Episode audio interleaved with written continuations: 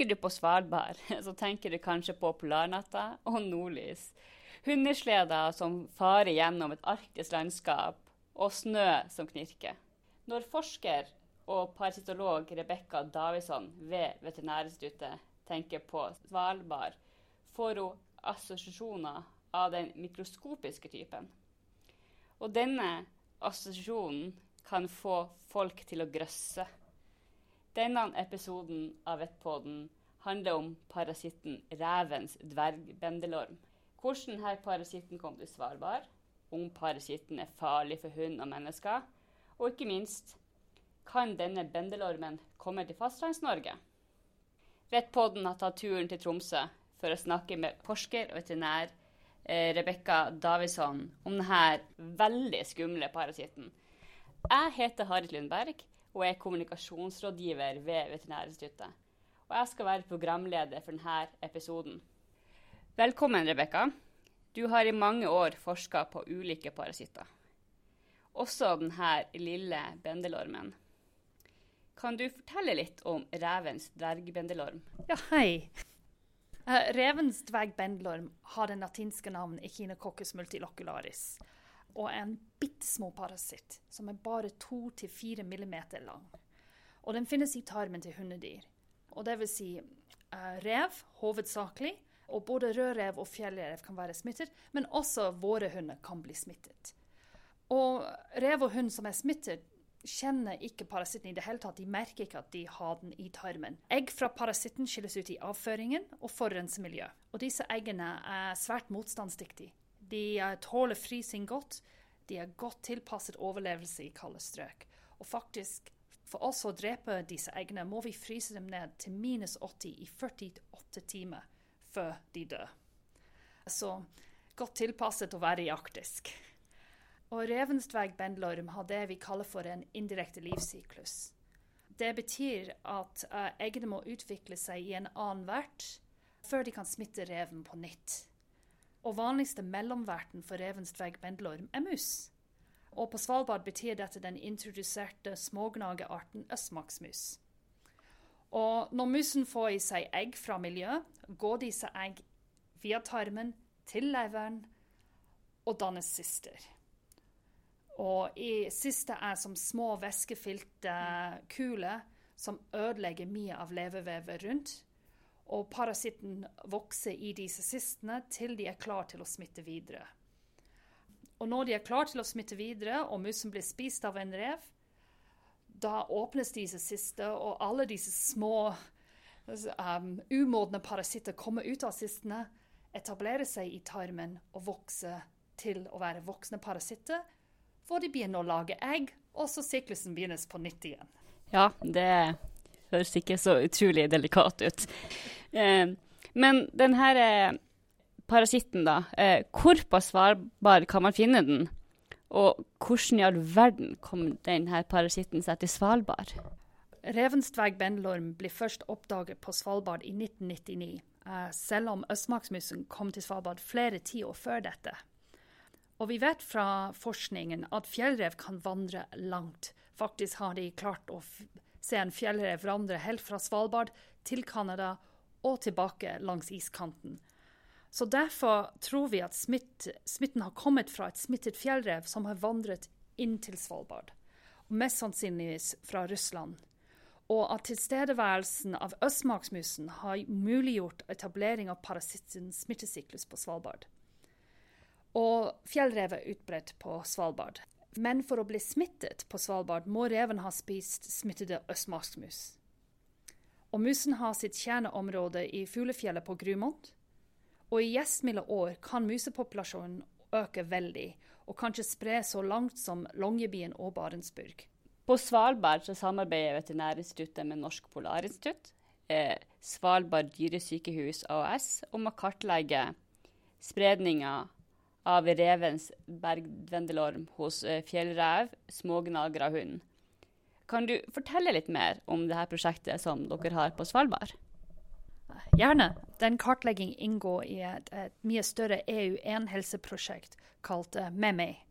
Um, og målet med MEME-prosjektet er at vi skal utvikle og harmonisere diagnostiske metoder for påvisning av både revens og hundens dvergbendlorm, for det finnes litt forskjellige arter der også, um, uh, i hele Europa. Og prosjektet hadde oppstart i 2020 og skal avsluttes neste år, i 2022. Og vi er forskere fra flere europeiske land som er med. Og I Norge har vi valgt i dette prosjektet at vi skal undersøke forekomsten av revensdverg bendelorm på Svalbard, da vi ikke har smitten på fastlandet. Og vi skal ikke bare undersøke smitte hos rev, men også hos østmasmus og på hund. Og Norsk Polarinstitutt har samlet inn fellefanget fjellrev, og faktisk med hjelp fra Svalbards befolkning er det blitt samlet inn mus. Så mange på Svalbard har deltatt i prosjektet.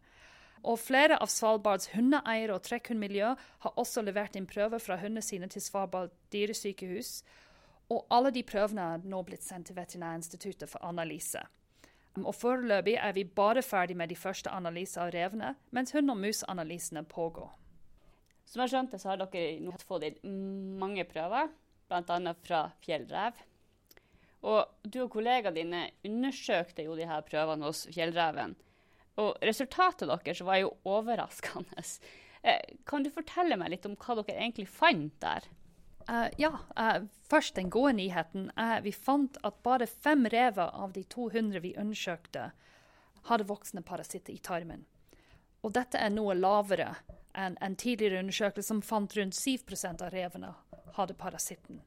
Men det som overrasket oss mest, var hvor mange voksne parasitter disse revene hadde. Det var flere dyr som hadde mer enn 1000 parasitter i tarmen, og en av revene hadde faktisk 80 000 voksne parasitter i tarmen. Og siden hver parasitt produserer massevis av egg, er miljøsmitten stor, selv om bare noen få rev er smittet. Ja, og, og, da kommer jo spørsmålet, fordi det er jo mange som har kjæledyr, som hund, også på Svalbard. Og den brukes jo også i aktiviteter som hundekjøring og andre ting. Og med tanke på revens dvergbindelorm, er det grunn til bekymring? Så selv om det er mange egg i miljøet, hunden blir smittet med parasitten ved også å spise smittede mus. Så det er hvor vi finner mus som kan smitte videre til hunden. Og hvis en hund spiser en smittet mus, da i likhet med rev produserer parasitten masse egg som skilles ut i hundens avføring. Og da, hvis hunden er smittet, får vi smitten egentlig mye tettere inn til oss i vårt nærmiljø. Og det er faktisk um, de, disse eggene om de kommer fra hund eller fra rev, som er også smittsomme til oss mennesker. Og vi kan få smittede egg, egg i oss fra miljøet, eller også kanskje bare ved å klappe en hund som har egg i pelsen. Og disse egg er usynlige til det bløtte øyet. Det er umulig å oppdage uten at man bruker mikroskopet eller andre diagnostiske metoder for å finne dem. Hva kan man da gjøre for å hindre smitte? kanskje som vi har alle lært under korona, er godt håndvask kjempeviktig. Håndsprit dessverre dreper ikke eggene, men vi kan vaske dem bort. Og regelmessig ormekubehandling av hund i områder hvor smitten forekommer, er en viktig tiltak for å hindre smitte til mennesker. Og spesielt hvis du vet at hunden din liker å jakte på mus. Denne dvergbendelormen den er jo en veldig frykta parasitt, og med god grunn. Og man ønsker jo ikke at den skal etablere seg her på Fastlands-Norge. Hva er egentlig årsaken til det? Som jeg sa i stad, uh, kan vi mennesker også bli smittet med disse eggene fra miljøet eller fra pelsen til hund. Og etter vi har blitt smittet, tar det fra fem til ti år før vi utvikler symptomer av uh, smitten og sykdommen. Og i likhet med mus får vi mennesker sykdommen i lever med vekst av mange væskefylte syster. Og parasitten oppfører seg ganske likt ondartet leverkreft. Og heldigvis finnes det behandlingsmuligheter, for uten behandling er parasitten 90% dødelig. Det høres jo overhodet ikke bra ut. Så da blir jo egentlig det her store spørsmålet hva skal man gjøre om man oppdager at man blir smitta? En blodprøve kan avsløre om man har antistoffer i blodet mot parasitten. Og, og, dette kan si om du har vært eksponert for smitte. Men det betyr ikke nødvendigvis at man skal utvikle sykdommen. For å påvise sykdommen i lever finnes det ultralyd og andre diagnostiske tester som kan skille mellom parasitter og andre årsaker til leversyster. Det er ikke bare parasitten som kan i levesyster. Du nevnte jo tidligere at uh, denne bendelormen ikke er å finne på Fastlands-Norge. Eller den er ikke påvist på Fastlands-Norge ennå. Men den er jo veldig mange plasser i Europa. Og kan du si noe om hvor i Europa man har påvist denne bendelormen, og hvordan sprer den seg? Parasitten har sitt kjerneområde i Sentral-Europa, i fjellene på Sveits og Frankrike og Tyskland. Og her er det rødreven og ikke fjellreven eh, som fungerer som hovedvert. Og igjen det er smågnager som vann- og markmus som fungerer som mellomverter. Og vi vet fra flere studier i, veldig begrensede områder kan inntil 40% av revene være infisert. Og overvåkning i flere land har sett at den har spredt seg mer og vi finner parasitten nå fra Nederland til de baltiske statene. Mm, hva gjør vi da for å overvåke denne parasitten i Norge?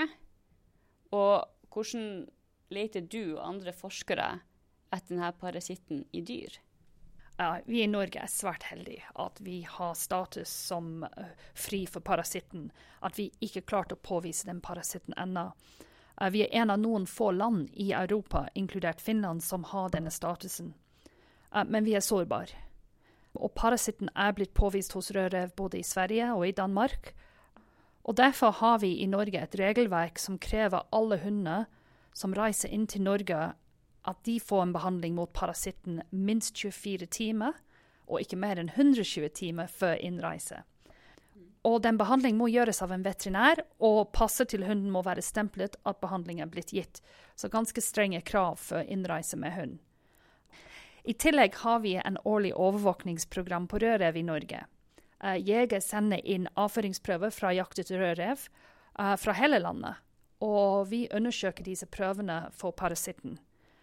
Og dette er for å beholde fristatus for echinococcus, eller revens dvergbendelorm, og for å kunne oppdage tidlig hvis vi er så uheldige å få inn parasitten i Norge.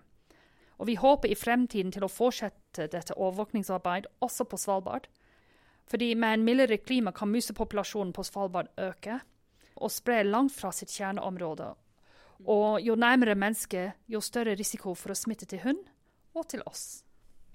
Det er jo mange som bruker å ta med seg hund til utlandet, som eh, f.eks. Sverige. Hva bør man som hundeeier tenke på når man skal ta hunden sin til utlandet? Når man reiser med hunden sin, er det viktig å følge nasjonale krav om innførsel av hund. Og uh, for de som ønsker å reise, har Mattilsynet en veldig god veileder om de forskjellige kravene med pass, ID-merking, vaksinering og ormekubehandling for innreise fra forskjellige land. Og når det gjelder revens dvergbendlorm, er behandling for innreise, som jeg sa i stad, kjempeviktig. Og de som reiser, kan også velge mellom den behandlingen jeg snakket om i stad, med én behandling 24 timer, minst 24 timer for innreise, eller de kan velge å behandle hver 28. dag. Og da er det desto viktigere at de husker å gi den siste behandlingsrunde etter innreise, og at det ikke blir glemt. Og da er det viktig å snakke med din dyrlege om hvilket behandlingsregime er best for deg, dine reisevaner og din hund. Tusen takk for samtalen, Rebekka og hjertelig takk til våre lyttere. Mer informasjon om dette temaet finner dere på vår nettside på vettins.no. Og ønsker du vite mer om hva som skjer ved Veterinærinstituttet, kan du følge oss på Facebook og på LinkedIn. En ny episode av Webpodden kommer snart. På gjenhør!